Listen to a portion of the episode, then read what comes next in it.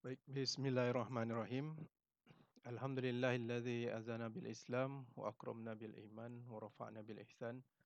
Allahumma salli ala Muhammad wa ala alihi wa sahbihi wa ummatihi ajma'in. Amma ba'du. Assalamualaikum warahmatullahi wabarakatuh.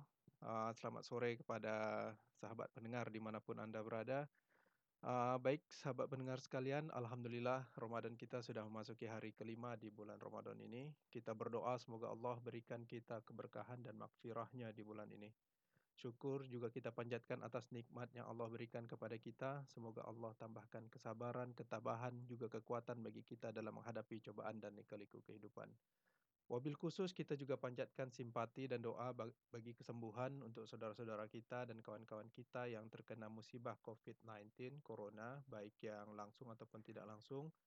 Dan Alhamdulillah kita dapat berjumpa kembali di kabar Ramadan Darul Funun untuk sesi yang kelima ah, dengan topik moderasi dalam berislam yang insya Allah akan disampaikan oleh pemateri kita Ustadz Dr. Haji Arman Husni LCMA, MA.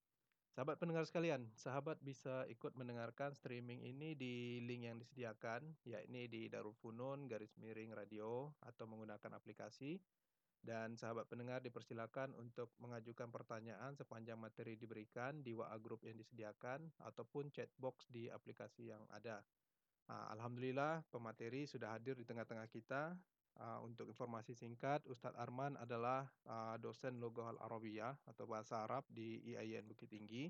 Beliau juga menjabat sebagai Wakil Ketua Basnas Payakumbuh dan beliau juga adalah Dewan Pengawas Yayasan Darul Funun. Uh, untuk mempersingkat waktu kepada beliau, uh, dipersilakan. Silakan Ustaz. Ya, Assalamualaikum warahmatullahi wabarakatuh. Alhamdulillah, alhamdulillahillazi fadala nas ala sair makhluqat wa fadalana ala sair umam. Ashhadu an la ilaha illallah wahdahu la syarikalah. Wa ashhadu anna Muhammadan abduhu wa rasuluh sallallahu alaihi wasallam la nabiyya ba'dah. Para pendengar di mana pun berada, Alhamdulillah. Allah subhanahu wa ta'ala masih memberi kemuliaan, rahmat, nikmat untuk kita. Mudah-mudahan dengan nikmat berislam. Allah Subhanahu wa taala senantiasa memberikan kekuatan kepada kita. Memberikan kesabaran dan keistiqomahan. Karena yang sesuatu yang paling sulit di akhir zaman itu adalah istiqomah. Rasulullah Shallallahu Alaihi Wasallam dalam sebuah hadisnya mengatakan kepada kita, sayati ala nas zamanun as-sabiru fihim kal ala jamar. Akan datang kata Rasulullah Shallallahu Alaihi Wasallam zaman, waktu. Bahwasanya orang yang istiqomah, orang yang bersabar dengan ketaatannya, ibarat waktu itu dia memegang bara api. Begitu beratnya keistiqomahan dalam Islam. Tentu para pendengar di mana pun berada, ya, untuk menjaga keistiqomahan banyak sekali ujian-ujian yang diberikan oleh Allah Subhanahu wa taala buat kita ibadah ini sebenarnya adalah bentuk ujian juga apakah kita senantiasa mempertahankan keistiqomahan dengan ketaatan kita dalam melaksanakan nilai-nilai ibadah tersebut. Kemudian juga dalam masalah keyakinan itu juga Allah Subhanahu wa taala memberikan juga ujian buat kita. Apakah kita tetap istiqomah?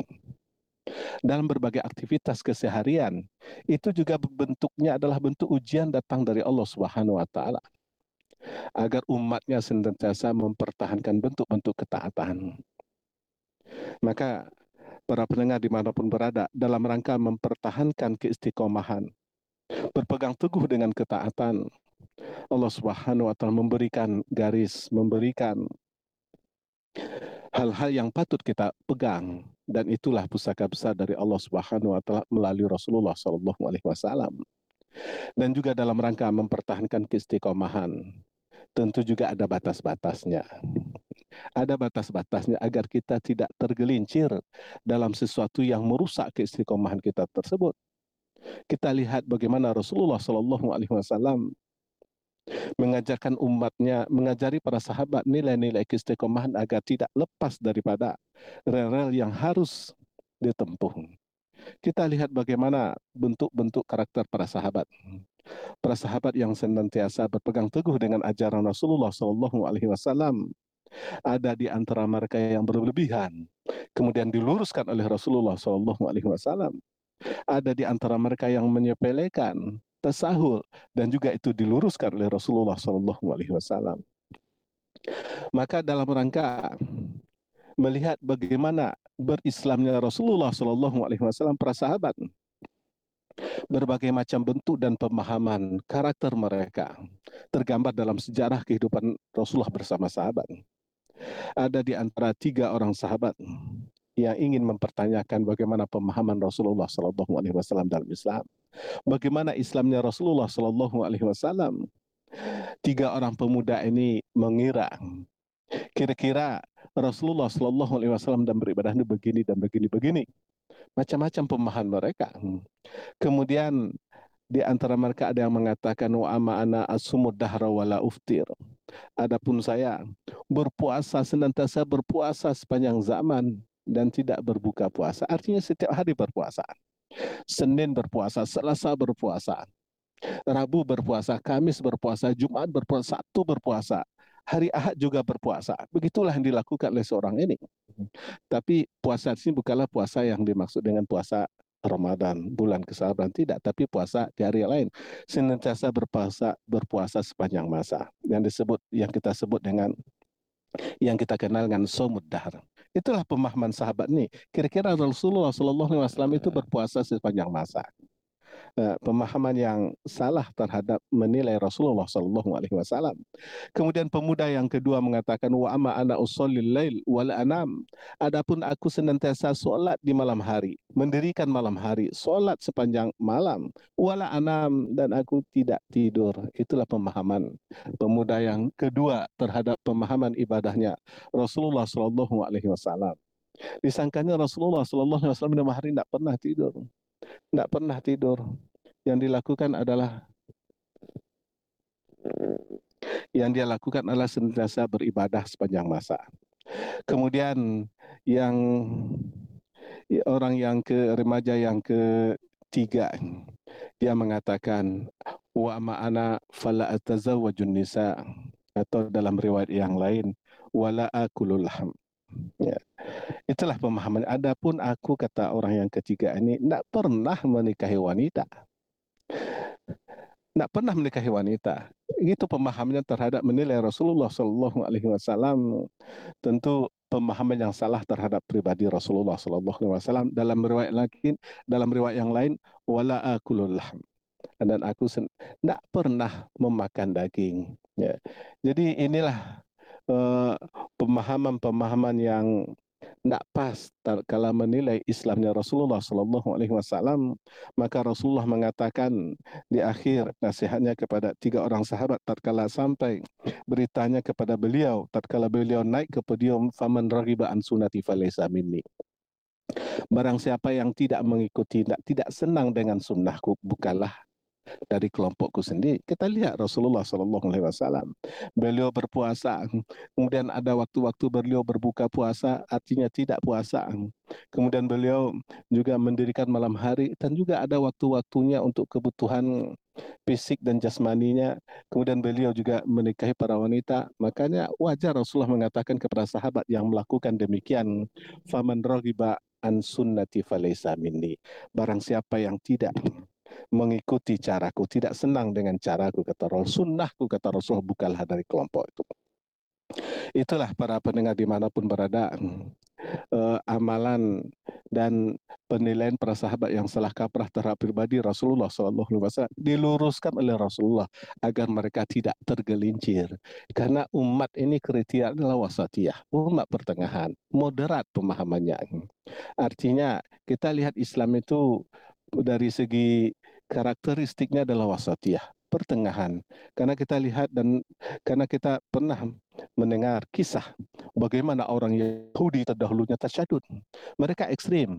Contohnya bagaimana mereka tatkala menyikapi tatkala ada pakaian mereka kena uh, najis uh, kencing Yahudi mengatakan bahwasanya tatkala salah di antara pakaian mereka kena air kencing tersebut harus dipotong, harus dibuang. Ya, berbeda dengan pemahaman orang Nasrani. Orang Nasrani cuek saja. Hmm. Ini kedua pemahaman ini termasuk pemahaman yang ekstrim, ya, berlebihan. Coba kita lihat bagaimana orang Yahudi menyikapi kaum wanita yang haid. Mereka usir dari rumah, tapi berbeda dengan orang Nasrani. Mereka tetap menggauli para wanita meskipun dalam kondisi haid. Islam berada di pertengahan. Islam karakternya adalah wasati. Islam adalah agama pertengahan. Maka wajar Rasulullah Shallallahu Alaihi Wasallam dalam sebuah hadis mengatakan bahwasanya khairul umuri ausatuha. Sebaik-baik perkara itu adalah di pertengahannya. Wasatiyah, moderat. Maka para pendengar di mana pun berada kita harus memahami Islam ini secara pas dari Rasulullah Shallallahu Alaihi Wasallam. Kemudian kita lihat pemahaman sahabat terhadap uh, Rasulullah Shallallahu Alaihi Wasallam juga berbeda-beda, tapi diluruskan oleh Rasulullah. Ada di antara mereka sebelum diluruskan oleh Rasulullah Shallallahu Alaihi Wasallam tipe Kahmas al Hilali. Kahmas ini tatkala masuk Islam, mengucapkan syahadat di hadapan Rasulullah Shallallahu Alaihi Wasallam. Kemudian ada hal-hal yang menjadikan beliau berpisah setahun lamanya dengan Rasulullah. Kemudian tahun depan ketemu lagi dengan Rasulullah Shallallahu Alaihi Wasallam. Setelah ketemu dengan Rasulullah Shallallahu Alaihi Wasallam, Rasulullah kok keheranan. Rasulullah penasaran apa yang menjadikan sahabat Kahmas ini berbeda dari penampilan biasa. Karena dulunya Kahmas ini salah seorang sahabat yang sehat, bugar, kuat. Tapi setelah berpisah, setelah berislam, berpisah setahun lamanya dengan Rasulullah Shallallahu Alaihi Wasallam, kemudian bertemu lagi tahun depannya, Rasulullah heran, seakan-akan Rasulullah tidak kenal lagi dengan sosok yang bernama Kahmas ini. Apa yang terjadi terhadap sahabat tadi? Penampilan sudah berubah, gayanya juga sudah berubah, sudah berubah total. Wajar Rasulullah Shallallahu Alaihi Wasallam seakan-akan tidak ingat lagi dengan Kahmas. Akhirnya Kamas ini curhat kepada Rasulullah, ya Rasulullah apakah engkau melupakanku? Saya ini Kahmas. Rasulullah heran, Anda di Kahmas. Apa yang menjadikan, apa yang membuat Anda seperti ini? Kenapa penampilan Kahmas tahun dulu dengan tahun hari ini, dengan hari ini berbeda? Amat berbeda. Dulu sehat, kuat, bugar, tapi sekarang kerempeng, berubah penampilannya, berubah bentuknya. Itu yang menjadikan Rasulullah bertanya, apa yang menjadikan Anda seperti ini, wahai Kahmas? Ya Rasulullah, semenjak aku berislam, di malam hari aku senantiasa menghidupkan malam hari. Tidak pernah tidur ya Rasulullah. Di siang hari begitu juga. Aku hidupkan hari-hariku dengan berpuasa karena Allah subhanahu wa ta'ala. Itulah yang dilakukan oleh Kahmas. Salah paham terhadap ibadah dalam Islam. Wahai Kahmas kata Rasulullah, kalau engkau kuat, berpuasalah engkau pada bulan kesabaran. Artinya apa? Berpuasa di bulan kesabaran, cukuplah engkau berpuasa di bulan Ramadan. Bulan kesabaran ya Kahmas. Tapi Kahmas minta lagi kepada Rasulullah, ya Rasulullah karena terbiasa berpuasa setiap hari. Ya Rasulullah saya lebih kuat, lebih lebih kuat, lebih lama daripada itu. Akhirnya Rasulullah Shallallahu Alaihi Wasallam kalau begitu tambahlah setiap bulan satu hari. Ya Rasulullah masih kuat ya Rasulullah. Kalau begitu dua hari dalam sebulan. Kahmas minta lagi. Kalau begitu tiga hari dalam sebulan. Ibadah tiga hari di pertengahan bulan Hijriah kita kenal dengan saum ayamil bait puasa di hari-hari putih. Itulah anjuran dari Rasulullah Shallallahu Alaihi Wasallam kepada sahabat dan itu juga anjuran buat kita. Jadi dalam konteks ini tentu kita dilarang untuk senantiasa berpuasa setiap hari. Karena Rasulullah Shallallahu Alaihi Wasallam melakukan ibadah itu tidak begitu. Maka Rasulullah luruskan pemahaman Kahmas ini. Karena sahabat-sahabat yang sudah berinteraksi dengan Rasulullah SAW, kemudian otomatis ada hal-hal yang menyebabkan kesalahpahaman sahabat menilai Rasulullah wajar, karena waktu itu masih proses tanzil, syariat ini masih proses diturunkan oleh Allah Subhanahu Wa Taala kepada Rasulullah SAW. Begitu juga Rasulullah SAW masih proses membina, mendidik para sahabat yang mulia, sehingga nanti satu saat syariat ini lengkap syariat ini lengkap sebenarnya kita pahami hari ini. Jadi begitulah Rasulullah meluruskan pemahaman-pemahaman yang salah kepada sahabat. Nanti ada lagi tipe-tipe sahabat kita kenal.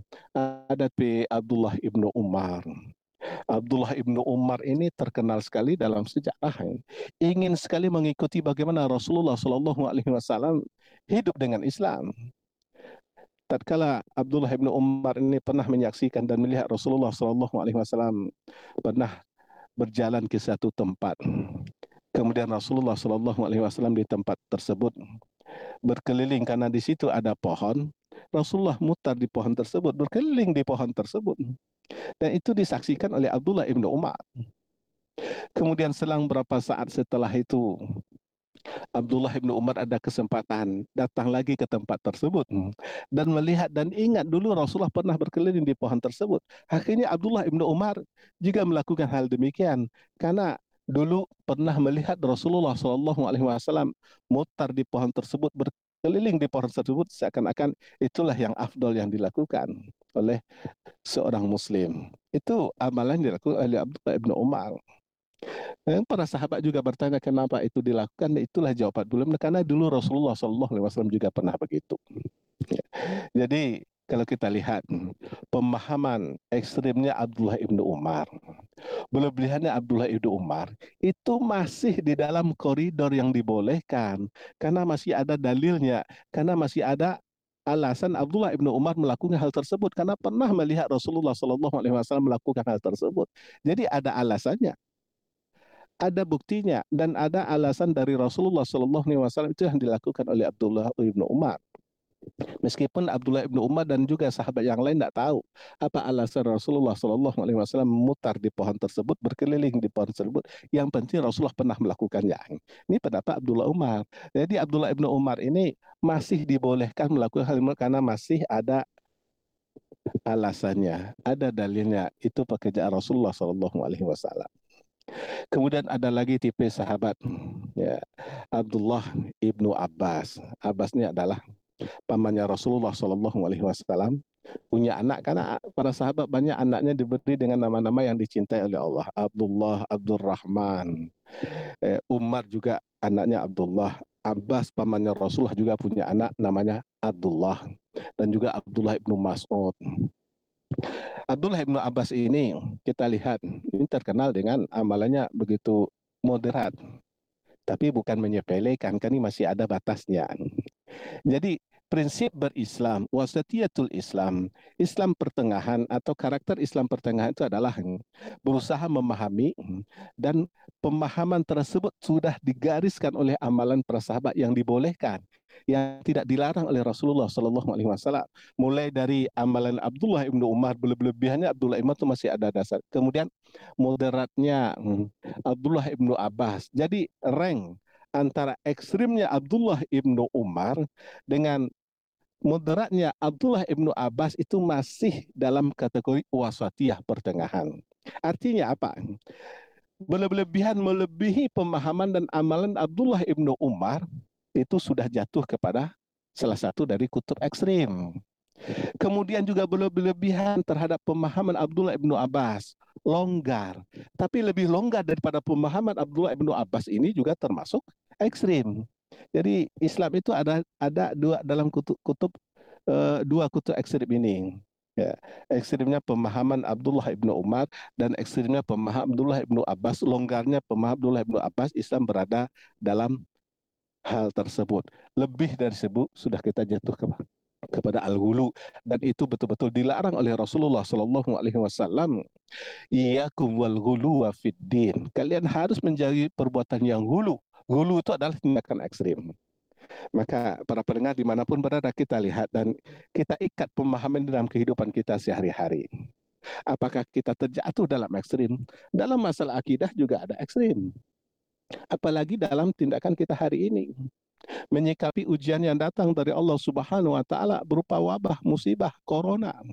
Kita lihat bagaimana umat ini eh, kadang-kadang jatuh kepada dalam masalah pemahaman akidah. Ada di antara mereka pasrah saja yang namanya kematian itu dari Allah Subhanahu wa taala. Kalau seandainya Allah belum berkehendak kita tidak akan mati. Kalau seandainya Allah sudah berkehendak dan itu ajal kita. Ini pemahaman istilahnya pasrah saja dengan apa yang terjadi. Ya. Jadi kita lihat bahwasanya pemahaman pasrah apa yang terjadi dalam masalah keyakinan itu termasuk pemahaman Jabariyah. Kelompok Jabariyah ini pokoknya diserahkan seluruhnya kepada Allah Subhanahu wa taala yang penting tawakal. dan meninggalkan ikhtiar. Nah, inilah yang dicela oleh Rasulullah Sallallahu Alaihi Wasallam dan ini juga kritikan para sahabat kepada kelompok orang-orang yang melakukan tindakan jabariyah dalam masalah keyakinan. Ya. Padahal kita tahu bahwasanya dalam Islam itu Allah la yughayyiru ma biqaumin hatta bi anfusihim. Sesungguhnya Allah tidak akan merubah nasib sesuatu kaum sebelum mereka merubah nasib mereka sendiri. Jadi yang penting buat kita adalah ikhtiar. Hasilnya nanti diserahkan kepada Allah Subhanahu wa taala.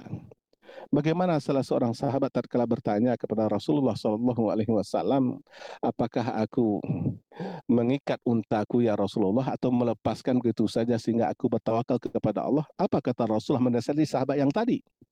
Akilha wa tawakkal Allah. Ikatlah untamu kemudian bertawakal kepada Allah. Jadi ada nuansa ikhtiar tersebut. Di dalam masalah akidah juga ada kutu ekstrim. Ekstrimnya kelompok Jabariyah Kemudian juga ekstrimnya kelompok Qadariyah. Qadariyah kebalikan daripada Jabariyah. Qadariyah ini mengatakan mereka yang menentukan jalan kehidupan mereka.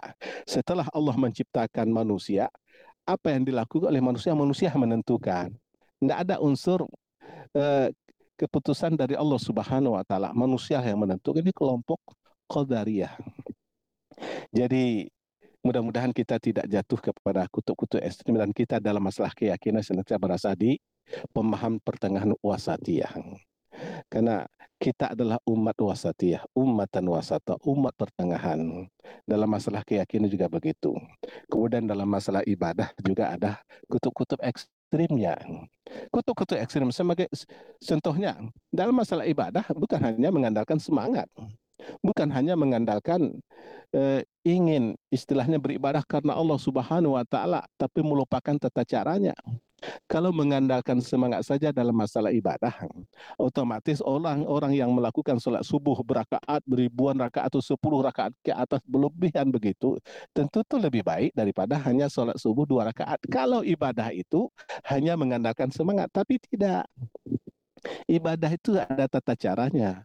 Belum lebihan juga dalam masalah ibadah juga dicela oleh Allah dan Rasulnya dicela dalam syariat Islam ada tata caranya. Karena asal usul ibadah itu adalah mamnu al aslu fil ibadah mamnu. Sesuatu yang istilahnya dalam masalah ibadah itu asal usulnya adalah dilarang oleh Allah Subhanahu wa taala kecuali ada dalilnya Berarti kalau kita beribadah, melakukan sholat, ibadah mahdoh, sesuai dengan dalilnya kita lakukan. Tapi kalau tidak sesuai dengan dalilnya kita hindari. Berlebihan dalam masalah ibadah. Maka kita lihat juga masalah berlebihan dalam masalah ibadah ini eh, kita artinya kita jangan jatuh juga kepada uh, kutub ekstrem di situ. Islam ada di pertengahannya. Selagi dalilnya ada dari Rasulullah Shallallahu Alaihi Wasallam, kita kerjakan. Nah, apalagi dalam masalah kita menyikapi fenomena musibah yang ada eh, akhir-akhir uh, ini yaitu tentang masalah corona. Tadi juga kita singgung sedikit tentang jatuhnya umat kepada uh, keyakinan-keyakinan Jabariyah. Mereka tidak mau berikhtiar. Yang penting kita beribadah. Akhirnya apa yang terjadi? Sering berbenturan keinginan kelompok Jabariyah ini dengan himbauan para ulama. Majlis Ulama Indonesia sudah membuat fatwa. Tentu fatwa itu sudah betul-betul dipelajari untuk dalam rangka menjaga masalah umatnya sesuai dengan makosid syariah yang ada. Menjaga jiwa. Maka dalam hal menjaga jiwa ini Majlis Ulama sudah memutuskan berbagai macam keputusan sebagian umat menentangnya terutama kelompok Jabariyah tadi. Kenapa mereka melarang-larang kita untuk melakukan sholat Jumat? Kenapa mereka melarang kita untuk tidak berjamaah di masjid? Padahal setelah menyikapi kondisi yang ada. Eh, kita bisa mengambil kesimpulan bahwasanya masyarakat kita tidak berasal dengan kebiasaan yang berubah-ubah. Rasulullah Shallallahu Alaihi Wasallam dan juga para sahabat yang mulia diikuti oleh para ulama salafus soleh, mereka sering menghadapi kondisi-kondisi yang berubah-ubah.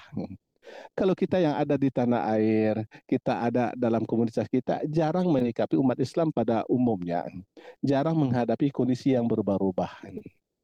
Padahal ada kondisi-kondisi yang berubah itu menyebabkan penekanan ibadah juga berubah-ubah juga. Sebagai contoh, ada rukshoh dalam Islam. Tatkala seorang ya, istilahnya kebiasaannya berjamaah di masjid, kemudian hujan lebat turun. Hujan lebat turun, otomatis ada rukhsah yang datang dari Allah Subhanahu wa taala untuk tidak melakukan solat berjamaah di masjid. Artinya apa? Ada keringanan dispensasi datang dari Allah Subhanahu wa taala. Dalam sebuah hadis Rasulullah mengatakan innallaha yuhibbu an Sesungguhnya Allah Subhanahu wa taala senang kalau seandainya keringanan tersebut dilakukan oleh umatnya. Kita kerjakan. Kalau ada keringanan datang dari Allah Subhanahu itu merupakan hadiah buat kita. Itu merupakan anugerah dan kasih sayangnya Allah buat kita. Karena Allah Subhanahu wa taala terhadap kaum muslimin, kenapa tidak kita ambil keringanan tersebut? Sudah ada ini, ambillah bonus. Tidak kita lakukan. Dan itulah landasannya kenapa Majelis Ulama memutuskan kita hari ini untuk berjaga-jaga karena menjaga jiwa itu lebih utama. Sebagai contoh, seseorang tatkala melakukan solat berjamaah di masjid, melakukan solat berjamaah di masjid, di samping masjid ada kolam. Kemudian ada saja anak kecil yang terjatuh di kolam tersebut di saat-saat jamaah tadi melakukan solat jamaah. Dan, dan berteriak minta tolong. Tentu sebagai naluri manusia, tentu akan kita minta tolong. Karena bagaimanapun yang namanya nyawa tersebut jauh lebih berharga di sisi Allah Subhanahu wa taala daripada ibadah tatkala kita ngotot melakukan melanjutkan ibadah. Yang penting kita khusyuk. Akhirnya menyepelekan nyawa manusia. Padahal ada tuntutannya menjaga jiwa itu lebih utama. Bahkan Rasulullah SAW mengatakan dalam hadisnya la zawalud dunya la zawalud dunya khairun indallahi min qatli mu'min bighairi haqq hilangnya dunia, hancurnya dunia ini itu lebih baik di sisi Allah Subhanahu wa taala daripada terbunuhnya seorang muslim tanpa hak. Jadi kita lihat bahwasanya bahkan kita bisa melihat hilangnya nyawa seorang muslim, Islamnya hilangnya nyawa seorang atau hancurnya Ka'bah hancurnya Ka'bah itu masih lebih baik daripada hilangnya nyawa seorang muslim. Bagaimana dalam Islam menjaga nyawa itu? Itu jauh lebih penting. Maka dalam menyikapi kondisi akhir ini, kelompok Jabariyah ini senantiasa menentang. Menentang keputusan para ulama dengan mengatakan kita tidak takut kepada corona. Kita hanya takut kepada Allah Subhanahu wa taala. Padahal Rasulullah Shallallahu alaihi wasallam dalam hadis Imam Bukhari juga jelas-jelas mengatakan, "Fira kata Rasulullah Sallallahu Alaihi Wasallam, fira minal majzumi, firarokal minal asadi. Atau wafira minal majzumi kama tafiru minal asadi. Larilah engkau daripada penyakit majzum. Penyakit majzum itu penyakit kusta atau lepra. Sebagaimana engkau lari daripada singa. Artinya apa?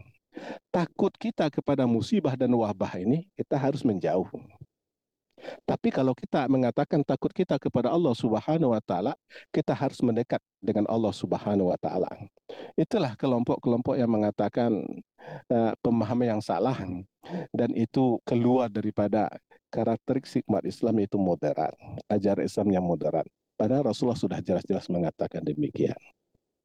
Maka hadirin di mana pun berada, uh, di saat-saat kita menyikapi kondisi akhir-akhir ini, tentu kita kita minta kepada Allah Subhanahu wa taala apa yang diputuskan oleh para ulama. Mudah-mudahan itu senantiasa sesuai dengan ajaran Islam. Karena mereka berdalih berjihad. Mereka berjihad sedemikian rupa. Mereka memutuskan hal-hal yang sebenarnya rumit tentu secara pribadi siapa yang senang untuk meninggalkan sebuah kebiasaan melakukan solat jamaah melakukan solat Jumat di masjid tentu tidak ada di antara kita yang menginginkan tapi karena ada kondisi tertentu, kita harus meninggalkan hal tersebut, apalagi imbauan fatwa ulama. Di mana pun para ulama mengatakan, baik di Timur Tengah, kita lihat di Mekah sendiri dilakukan hal demikian. Padahal kita lihat mana yang lebih baik kondisi dalam menyikapi corona ini di Mekah atau di negeri kita. Makanya eh, para pendengar di mana pun berada mudah-mudahan dalam masalah menyikapi hal ini kita mudah-mudahan berlapang dada. Mudah-mudahan musibah yang datang dari Allah Subhanahu wa taala cepat berlalu dan itulah yang kita minta kepada Allah Subhanahu wa taala.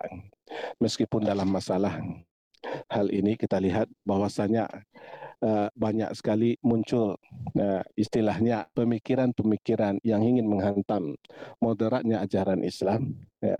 dan juga mereka juga mengatakan itulah yang lebih moderat sebagai contoh dalam masalah mengkaji Islam orang-orang liberal sebenarnya mengajak umat Islam kalau ingin moderat eh, jangan pakai hanya metode yang ada dalam Islam saja campurkan metode Islam dengan yang non-Muslim. Itu yang mereka anggap moderat. Padahal moderat dalam Islam bukan begitu. Moderat dalam Islam bukanlah meninggalkan metode Islam, kemudian mengambil metode yang lain, atau mencampur baurkan metode eh, dalam masalah memahami Islam. Tentu itu tidak sesuai dengan pemahaman karakteristik wasatiyatul Islam. Kita lihat bagaimana orang liberal dalam mengkaji Al-Quran umpamanya, mereka senantiasa mencari-mencari metode yang lain. Padahal para ulama sudah jelas metode yang dipakai untuk memahami Al-Quran. Mereka merujuk kepada pemahaman para sahabat. Mereka merujuk kepada pemahaman terutama dalam orang-orang yang paling paham di kalangan sahabat tentang Al-Quran. Yaitu Abdullah ibnu Abbas. Abdullah ibnu Abbas ini pernah didoakan oleh Rasulullah Sallallahu Alaihi Wasallam. Allah mafaqihu fid wa alimut ta'wil. Ya Allah, fakihkanlah fakihkan jadikanlah Ibnu Abbas ini fakih dengan urusan agama. Walimu ta'wil dan ajarnya ta'wil. Ta'wil di sini maksudnya adalah penafsiran ayat Al-Qur'an. Maka kita lihat orang yang paling tahu tentang sebab-sebab turunnya Al-Qur'an dari Allah Subhanahu wa taala atau asbabun nuzul itu di antara adalah Abdullah Ibnu Abbas.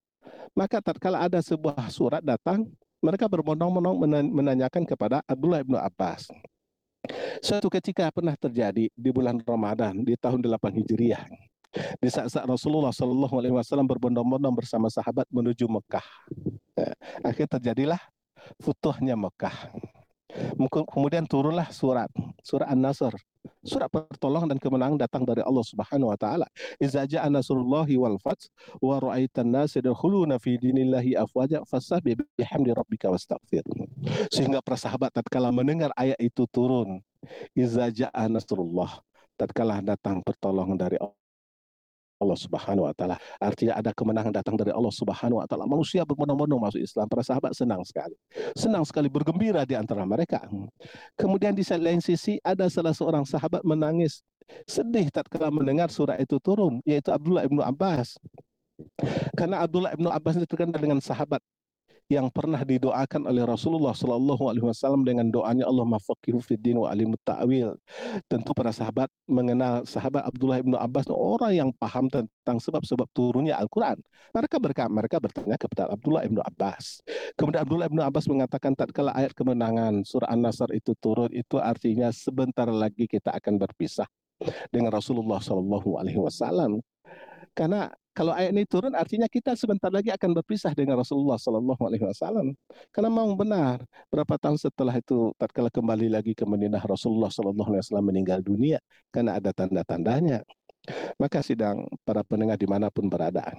Inilah di antara sahabat. Tidak bisa kita tinggalkan dalam masalah memahami Al-Quran. Tentu ada tata cara itu memahami ilmu tafsir. Tapi hari ini ada ilmu-ilmu yang lain yang dipakai oleh kaum muslim untuk memahami Al-Quran yang kita kenal dan banyak itu dipakai oleh para intelektual muslim yang kita kenal dengan hermeneutika. Bahkan tidak tanggung-tanggung hermeneutika ini kadang-kadang dibuat salah satu mata kuliah di beberapa di beberapa perguruan tinggi Islam. Bangga sekali di antara para ilmuwan, para para istilahnya para uh, akademisi memakai istilah hermeneutika. Pada kita lihat metode hermeneutika bukanlah metode dalam rangka memahami Al-Quran. Karena Al-Quran itu wahyu. Dan juga penceramah pernah juga menanyakan hal istilahnya mendengar pemaparan dari seorang yang ahli hermetika. Itu salah, salah seorang mantan rektor UIN Malang waktu itu yang juga pakar hermetika, beliau mengatakan Al-Quran tidak bisa dihermenetikakan.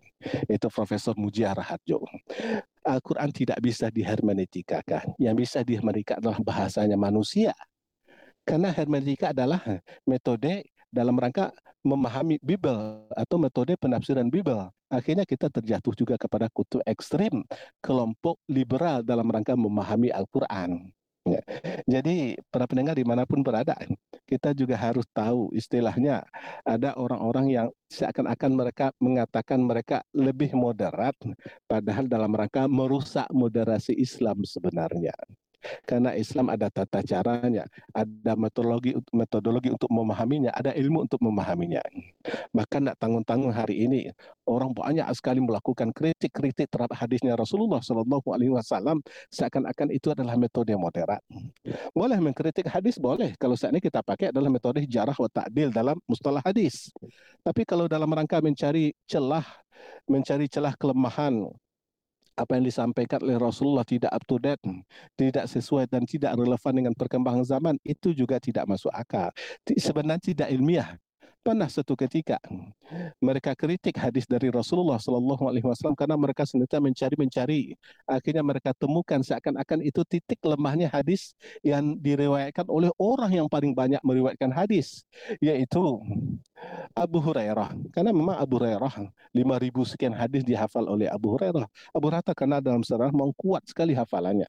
Abu Hurairah adalah seorang salah seorang sahabat yang fakir, tidak memiliki tempat tinggal, istilahnya tidak memiliki apa-apa sehingga beliau memikirkan istilahnya tidak pasrah dengan kondisinya akhirnya beliau temukan ada kelebihan yang diberikan oleh Allah kepada beliau itu kuat menghafal kelebihan inilah yang diandalkan oleh Abu Hurairah dalam rangka berkhidmah untuk umat Islam. Akhirnya senantiasa kalau diizinkan oleh Rasulullah Sallallahu Alaihi Wasallam Abu Hurairah senantiasa mengikuti Rasulullah sehingga Abu Hurairah ini banyak sekali punya kesempatan menghafal apa yang diucapkan oleh Rasulullah dari hadis-hadisnya Rasulullah. Ada sebuah hadis yang dicela oleh kelompok liberal yang disebut dengan hadis Az-Zubabah. Zubabah itu adalah hadis Zubab, lalat yang mengatakan hadis ini diriwayatkan oleh Abu Hurairah dari Rasulullah Wasallam tatkala tempat minum kalian.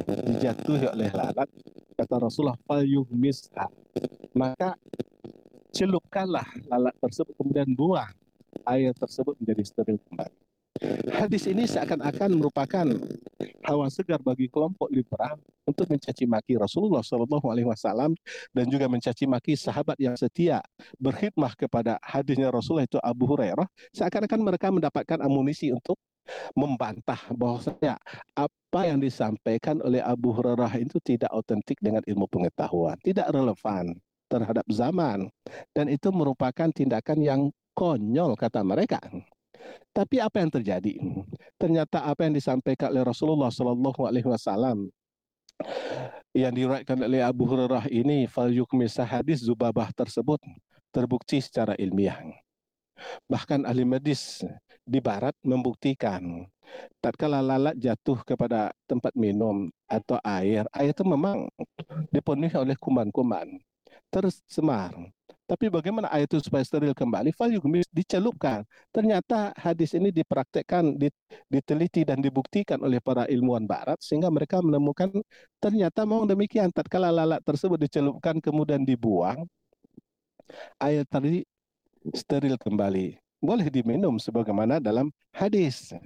Jadi kita lihat karena Rasulullah Wasallam juga mengatakan di salah satu sayap lalat tersebut ada penawarnya. Berarti artinya di sayap yang lain ada penyebar penyakit virusnya. Obatnya ada di sayap yang lain, maka perlu dicelupkan agar sayap yang kedua itu terbenam.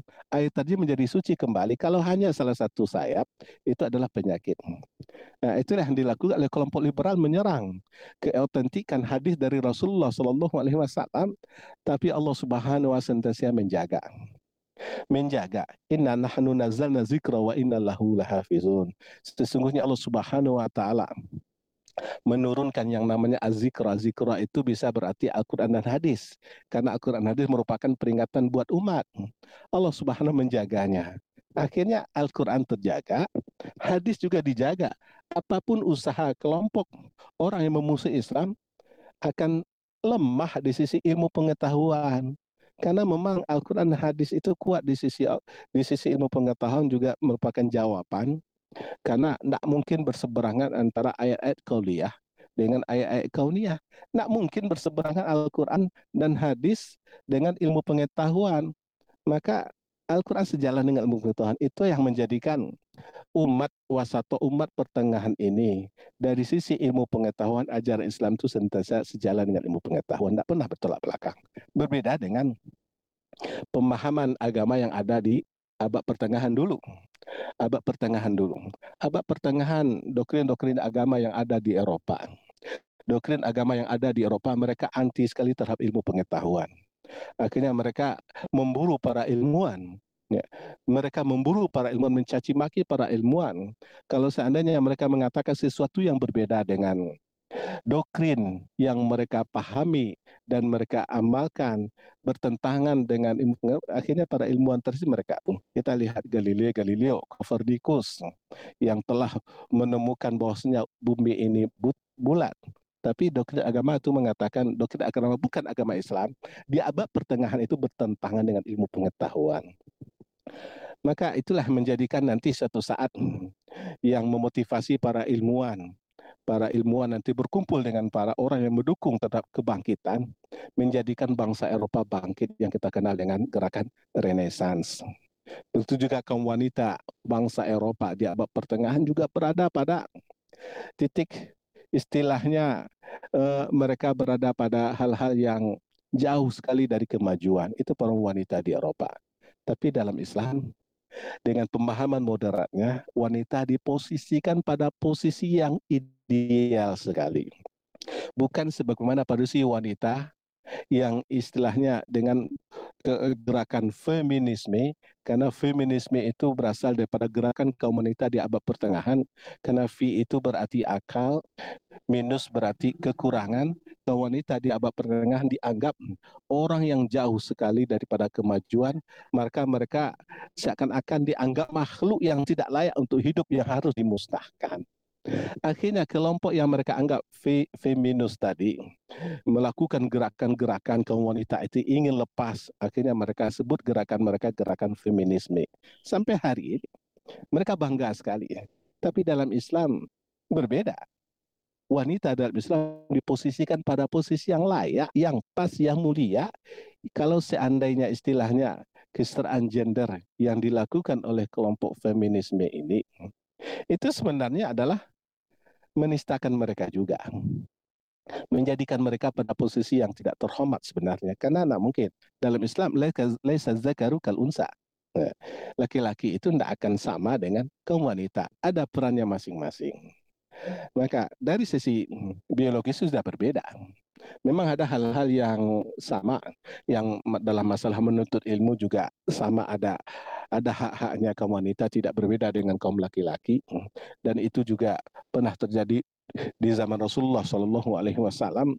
Karena biasanya kaum wanita itu mendapatkan ilmu dari suami-suami mereka. Akhirnya satu saat suami-suami mereka banyak yang ditugaskan oleh Rasulullah Shallallahu Alaihi Wasallam menjadi juru dakwah di daerah ini, di daerah ini, di daerah ini. Akhirnya ada kekurangan pasokan ilmu bagi kaum wanita kaum istri-istrinya para sahabat. Sehingga mereka minta kepada Rasulullah Shallallahu Alaihi Wasallam untuk disiapkan waktu bagi mereka. Akhirnya Rasulullah Shallallahu Alaihi Wasallam menyuruh mereka mempersiapkan waktu dan mempersiapkan diri untuk menerima ilmu dari Rasulullah Shallallahu Alaihi Wasallam. Jadi bukanlah sebagaimana yang dikatakan dalam masalah menuntut ilmu kelompok ya bertentangan dengan moderatnya Islam itu ekstrim. Kalau orang ekstrim mengatakan kaum wanita hanya boleh keluar rumah dalam tiga masa, tiga hal, tiga kesempatan.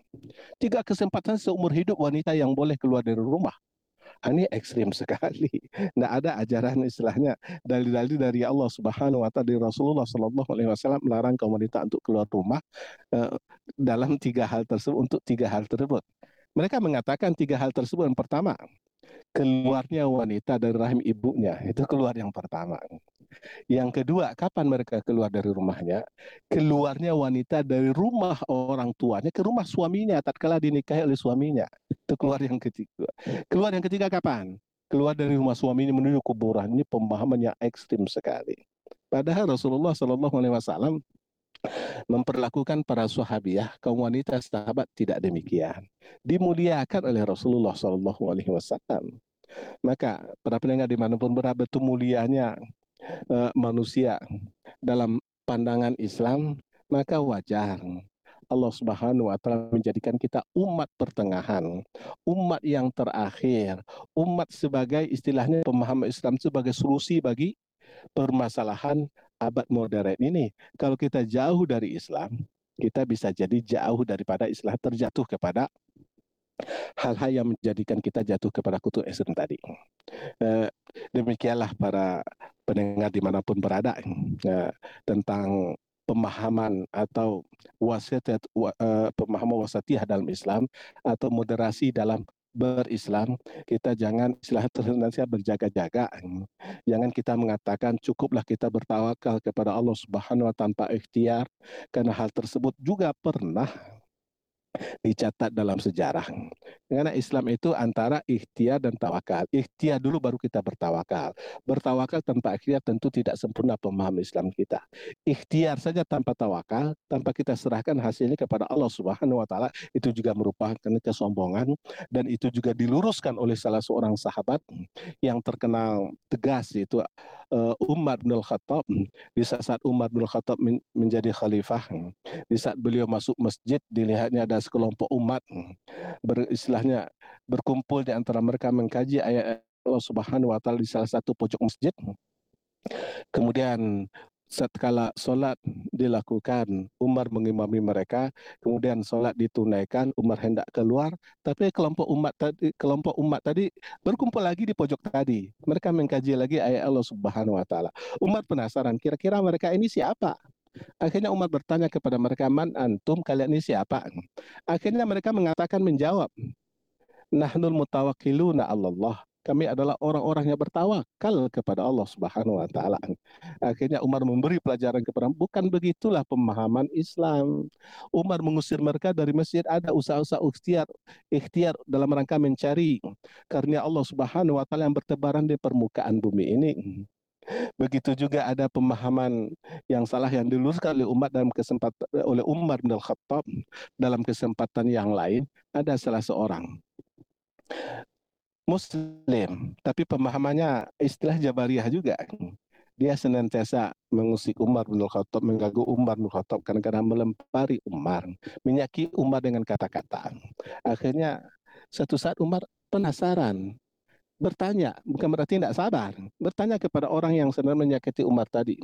Kenapa itu dilakukan oleh orang tadi? Kenapa Anda senantiasa menyakitiku? Kata Umar. Akhirnya orang tadi mengatakan, aku kan ditakdirkan oleh Allah Subhanahu wa taala untuk melakukan hal tersebut. Jadi kalau orang melakukan maksiat, dia mengatakan, saya ditakdirkan oleh Allah melakukan maksiat. Itu merupakan pemahaman yang salah. Akhirnya Umar memberi pelajaran. Umar eh, pelan-pelan mendekat kepada orang tadi, kemudian orang tadi ditempeleng oleh Umar sekeras-kerasnya. Dia kaget. Ya Amirul Mukminin, kenapa Anda melakukan hal tersebut? Apa, apa kata Umar? Saya juga ditakdirkan oleh Allah Subhanahu wa taala menempelengmu. Jadi jangan kita bermain-main dengan takdir. Dengan takdir. Banyak sekali dalam kehidupan Umar mengajarkan kita tentang bagaimana hakikat takdir tersebut. Pindah dari satu takdir ke takdir yang lain. Tidak menjadikan kita kelompok Jabariyah dalam berislam. Eh, begitulah eh, pendengar di mana pun berada, eh, kita serahkan kembali kepada uh, moderator. Uh, untuk sementara kita serahkan dulu. Silakan. Baik, uh, terima kasih Ustadz. Uh, Alhamdulillah begitu uh, komprehensif penjelasan dari uh, Ustadz Arman tentang uh, moderasi dalam berislam. Uh, uh, kita buka pertanyaan dari para pendengar sekalian. Uh, ya silakan. Alhamdulillah ada dua pertanyaan Ustadz. Yang pertama ya. uh, terkait tadi uh, dengan adanya uh, cobaan seperti ini ya uh, dan berkembangnya uh, pendapat yang Jabariyah ini, apakah kita perlu konfrontasi dengan pendapat yang Jabariyah tersebut? Nah, kemudian uh, pertanyaan kedua, uh, sebagaimana tadi Ustadz uh, sebutkan ada uh, dua kutub yang tapi tidak ekstrim yaitu uh, uh, Abdullah bin Abbas dengan Abdullah bin uh, Umar uh, seandainya kita berjumpa dengan uh, pendapat yang sama-sama berdalil, uh, bagaimana kita bersikap gitu? Mungkin itu dua dua dulu Ustaz. Ya, eh, para pendengar di mana pun berada, ini pertanyaan yang cukup menarik sekali. Apakah kita harus melakukan tindakan konfrontasif terhadap kelompok Jabariyah tadi? Tentu tidak. Kita adalah umat dakwah. Istilahnya kita berdakwah, kita hanya bisa meluruskan pemahaman Karena kenapa? Karena kelompok ini juga pernah istilahnya kelompok-kelompok yang menyimpang itu pernah terjadi di zaman Rasulullah Shallallahu Alaihi Wasallam dalam sebuah kesempatan Rasulullah Shallallahu Alaihi Wasallam tak kala membagi membagi harta kepada para sahabat yang berhak menerimanya. Ya, dikumpulkan para sahabat, kemudian didata, oh, ternyata yang berhak menerima waktu itu adalah empat orang sahabat. Meskipun para sahabat yang lain ada di waktu itu, ada dan mereka mengatakan Umar bin Khattab dan mengatakan Khalid bin Walid. Kemudian ada orang yang lain. Orang yang lain ini namanya adalah Zulkhuaisirah. Kemudian Rasulullah membagi harta itu kepada yang berhak. Kemudian Zulkhuaisirah tidak mendapatkan jatah. Tidak mendapatkan jatah. Dia protes kepada Rasulullah Shallallahu Alaihi Wasallam, ya Muhammad, ya adil. Wahai Muhammad, berlaku adillah anda. Rasulullah tidak memarahi dia. Bahkan para sahabatlah dengan semangatnya ada yang mengangkat senjata, ada yang mengangkat pedang itu Khalid bin Walid dan lain dan mengatakan Umar bin Khattab, "Ya Rasulullah, izinkan aku untuk memenggal kepalanya karena dia tidak beradab denganmu ya Rasulullah."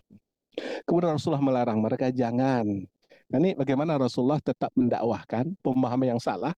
Mudah-mudahan ada celah kembali kepada ajaran yang benar. Akhirnya itu dilakukan oleh Rasulullah SAW. Kemudian Rasulullah mengatakan, istilah berdialog. Apakah ada orang yang paling adil daripadaku? Kata Rasulullah kepada Zulkhuwaisirah tadi. Ini hadis sahih. Apakah ada orang yang berlaku lebih adil daripadaku? Artinya apa? Manusia yang paling adil adalah Rasulullah Shallallahu Alaihi Wasallam. Orang tadi termenung. Dia akhirnya menepi di sebuah dinding. Kemudian Rasulullah berkumpul dengan persahabat. Apa kata Rasulullah? Akan lahir nanti dari generasi yang seperti ini. Seakan-akan Islamnya bagus.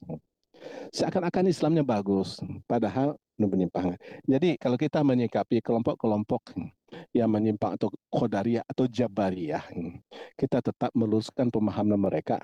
Karena kita tidak diutus eh, kalau karena kita tidak diciptakan oleh Allah untuk membedah dada mereka apakah untuk mengetahui apakah mereka Islam atau tidak. Tapi yang penting buat kita adalah untuk memberi pemahaman. Ya, dan itulah uh, anjuran dakwah dari Rasulullah Shallallahu Alaihi Wasallam. Kemudian tadi yang itu yang pertama. Yang kedua tentang fenomena uh, pemahaman Abdullah ibnu Umar dengan Abdullah ibnu Abbas. Ya, memang saya bahasakan tadi Abdullah ibnu Umar dengan Abdullah ibnu Abbas pada ekstrim. Istilahnya itu batasan amal Islam yang paling istilahnya pagarnya. Ya. Kalau ekstrim, tidak boleh melebihi ekstrimnya Abdullah ibnu Umar itu maksudnya. Tapi kalau longgar, tidak boleh melebihi longgarnya Abdullah ibnu Abbas. Karena melebihi berarti kita sudah jatuh kepada kutu ekstrim yang tidak dibenarkan dalam Islam. Itu yang disebut dengan al-ghulu. Iyakum wal ghulu wa fiddin. Jauhilah oleh kalian perbuatan berlebihan dalam agama kata Rasulullah Shallallahu Alaihi Wasallam. Bukan berarti istilahnya eh, mungkin bahasanya ketatlah ketatnya Abdullah ibnu Umar dengan longgarnya pemahaman Abdullah ibnu Abbas itu adalah batasan batas yang dibolehkan. Lebih daripada itu kita berada pada posisi istilahnya halal yang diberikan keraguan apalagi jauh daripada pemahaman tersebut. Karena sesuatu yang Islam itu kan sudah pas. Al Islam bayin eh, al halal bayin wal haramu bayin. Islam itu jelas. Yang haram juga jelas kalau bainahuma umurun mustajab mustabihat. Di antara keduanya ada hal-hal yang istilahnya yang dikeragui. Maka hal yang dikeragui kita mundur. Tapi uh, pemaham Abdullah bin Umar masih tetap bukan dikeragui. Batas-batas yang dibolehkan. Ini pemahaman yang dibolehkan. Jadi itulah reng pemahaman Islam yang seharusnya uh, yang kita pahami. Karena macam-macam amalan dan pemahaman para sahabat itu menjadi bahas buat kita karena kalaulah mereka, kalaulah bukan mereka yang kita panuti, siapa lagi? Padahal Rasulullah sendiri menyuruh kita untuk uh, istilahnya faman kana muta'asian fa yata'asabi ashabi. Orang siapa mencari uswah, uswah itu adalah keteladanan, maka carilah keteladanan pada sahabat-sahabatku kata Rasulullah sallallahu alaihi wasallam. Karena amalan para sahabat itu merupakan pemahaman dari mereka terhadap amalan Rasulullah sallallahu alaihi wasallam. Mereka yang menjabarkan amalan Rasulullah sallallahu alaihi wasallam. Karena amalan para sahabat itu adalah sebaik-baik generasi yang ada. Khairul kuruni kata Rasulullah sebaik-baik generasi adalah generasiku. Jadi itu maksudnya. Jadi kita tidak boleh jatuh kepada lebih daripada itu. kita jatuh pada kutub ekstrim. Ada yang berlebihan, ada yang serba longgar sehingga memunculkan generasi yang serba tasawul, menyepelekan ajaran Islam. Eh, nak boleh. Itu eh, para pendengar di mana pun berada. Eh, silakan kita serahkan kembali kepada eh, moderator. Baik, ya. terima kasih Ustaz. Uh, ya. Sahabat pendengar sekalian, uh, alhamdulillah kita sudah sampai juga di akhir acara. Uh, kita dibatasi oleh waktu juga. Uh, mungkin uh, sebagai penutup Ustadz uh, dipersilakan. Ya. Ya, uh, para pendengar di mana pun berada, ya, fenomena-fenomena akhir zaman, ya, kita sikapi harus dengan pemahaman Islam yang punya karakter moderat. Bukan berarti ada Islam ini, Islam itu, Islam moderat. Ini hanya sebut moderat ini karakter. Nah, istilah ciri khas ke Islam itu harus wasatiyah. Karena Al-Quran sendiri mengatakan umatan wasata. Rasulullah juga mengatakan khairul umuri khairul umuri ausatuha. Jadi pemahaman bahkan banyak para ulama menulis buku-buku tentang Islam moderat ini. Nah, dalam masalah akidah Ibnu Taimiyah juga menulis tentang al-aqidah al-wasatiyah, al-wasitiyah. Di akidah pemahaman pertengahan. Itulah akan menyelamatkan kita nanti di sisi Allah Subhanahu wa taala. Mudah-mudahan hal demikian menjadi pelecut buat kita. Semakin mengkaji lebih mendalam lagi bagaimana sebenarnya karakter berislam yang benar. Karena menyikapi fenomena akhir zaman kadang-kadang juga ada berlebihan. Ya, kemarin istilahnya ada yang mengatakan bahwasannya uh, fenomena fenomena seperti ini kalau orang sudah meninggalkan Jumat ini nih kalau orang sudah nak melakukan Jumat lagi di Masjidil Haram, ini sudah ada warning, sudah ini nih. Kalau apalagi sampai di bulan Ramadan, itu juga akan datang musibah besar nanti di pertengahan bulan Ramadan. Ya. Ini juga mengingatkan kita, iddiaul ghaib, mengklaim mengetahui yang gaib itu bukanlah hak kita, apalagi hari kiamat.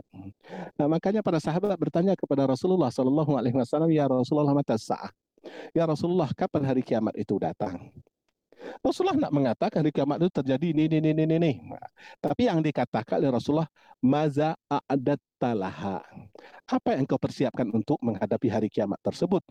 Maka dalam hadis yang lain Islam menjadikan umat tetap produktif meskipun musibah datang datang silih berganti kita jangan istilahnya eh, istilah terlalu menjadi kepikiran kiamat tapi yang perlu kita siapkanlah persiapan amalan kita Jangan kita tidak jadi produktif jadinya karena ketakutan menghadapi hari kiamat. Hmm, kita menyepi, istilah tidak melakukan apa-apa, cukup hanya untuk sholat di pojok-pojok masjid. Itu juga dicela oleh Rasulullah Sallallahu Alaihi Wasallam dalam hadis yang lain. Dikatakan juga oleh Rasulullah, "Iza qamatis wa fi yadi ahadikum fasilah fal yughrisha. Jika hari kiamat datang, kemudian di tangan salah seorang di antara kalian ada berapa biji korma, fal yughrisa, maka tanamlah. Artinya apa? Hari kiamat datang, juga kita dituntut untuk selalu produktif. Jangan kita tinggalkan segala-galanya. Itu artinya, di dalam menyikapi ini, dalam menyikapi fenomena akhir zaman ini, kita jangan berlebihan juga.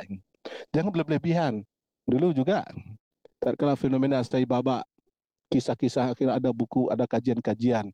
Tidak tanggung, banyak sekali yang terpengaruh di antara kaum muslimin secara psikologis. Bahkan tak kala ada datang orang mengetuk pintu, udah ketakutan dulu. Jangan-jangan ini saya babak. Jangan-jangan, jangan-jangan. Akhirnya menjadikan umat ini ketakutan berlebihan. Tidak masuk akal, tidak istilah bertindak tidak logis lagi.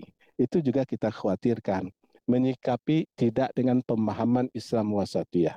Istilahnya tidak pemahaman moderat dalam memahami Islam. Eh, itu para pendengar yang di mana pun berada, mudah-mudahan kita senantiasa dijaga langkah-langkah kita oleh Allah Subhanahu Wa Taala dalam rangka mengamalkan Islam yang benar. Meskipun dalam menyikapi akhir zaman banyak sekali fitnah demi fitnah. Fitnah demi fitnah. Tapi kita tetap istiqomah. Tetap menjalankan Islam. Sebagaimana yang dipahami oleh Rasulullah dan para sahabat. Dan diikuti oleh para ulama. Bukan mengikuti pemahaman-pemahaman yang menyimpang tadi. Kelompok Jabariyah, kelompok Qadariyah, ekstrim liberal ini, ekstrim ini, ini, ini, dan lain sebagainya. Ekstrim kanan dan ekstrim kiri dan sebagainya. Apa pun istilahnya. Kita tetap berjalan di koridor Islam pertengahan, Islam yang karakternya pertengahan tidak berlebihan sehingga kita tidak terjatuh kepada pemahaman yang ekstrim. Karena pemahaman yang ekstrim yang ini dicaci, dicerca, di, di istilahnya juga ada uh, apa angga, uh, Rasulullah Shallallahu Alaihi Wasallam dalam hadis yang kita sebutkan tadi iyyakum wal gulu jauhilah oleh kalian al gulu istilahnya banyak sebenarnya hadis-hadis Rasulullah. Jadi kita berada pada kelompok pertengahan antara kelompok israf dengan kelompok tasrif antara kelompok jabariyah dengan kelompok qadariyah antara kelompok eh, istilahnya uh, di luar pemahaman Abdullah ibnu Umar, kemudian di luar pemahaman Abdullah ibnu Abbas kita ada di tengah-tengahnya. Mudah-mudahan Allah Subhanahu Wa Taala senantiasa merestui kita, apalagi dalam menyikapi musibah fenomena akhir-akhir ini kita jangan juga berlebihan, kita tetap uh, menyampaikan Islam secara porsinya, istilah karena takut ketakutan berlebihan karena sesuatu kadang-kadang kita sampaikan tidak sesuai dengan porsi yang seharusnya. Itu saja di mana pun berada. Ya, silakan. Assalamualaikum warahmatullahi wabarakatuh. Waalaikumsalam warahmatullahi wabarakatuh. Baik, uh, sahabat pendengar sekalian, uh, waktu juga ya membatasi kita. Jazakallah khairan kepada pemateri Ustaz Arman Uh, insya Allah kita akan jumpa di kesempatan berikutnya. Sebagai informasi, materi utama yang disampaikan di kabar Ramadan Darul Funun ini uh, ada setiap hari Jumat sore dan hari Selasa sore. Uh, Bapak pendengar sekalian, uh, kita tutup dengan doa penutup majlis. Subhanakallahumma wa bihamdika, ilala Assalamualaikum warahmatullahi wabarakatuh. Waalaikumsalam warahmatullahi wabarakatuh.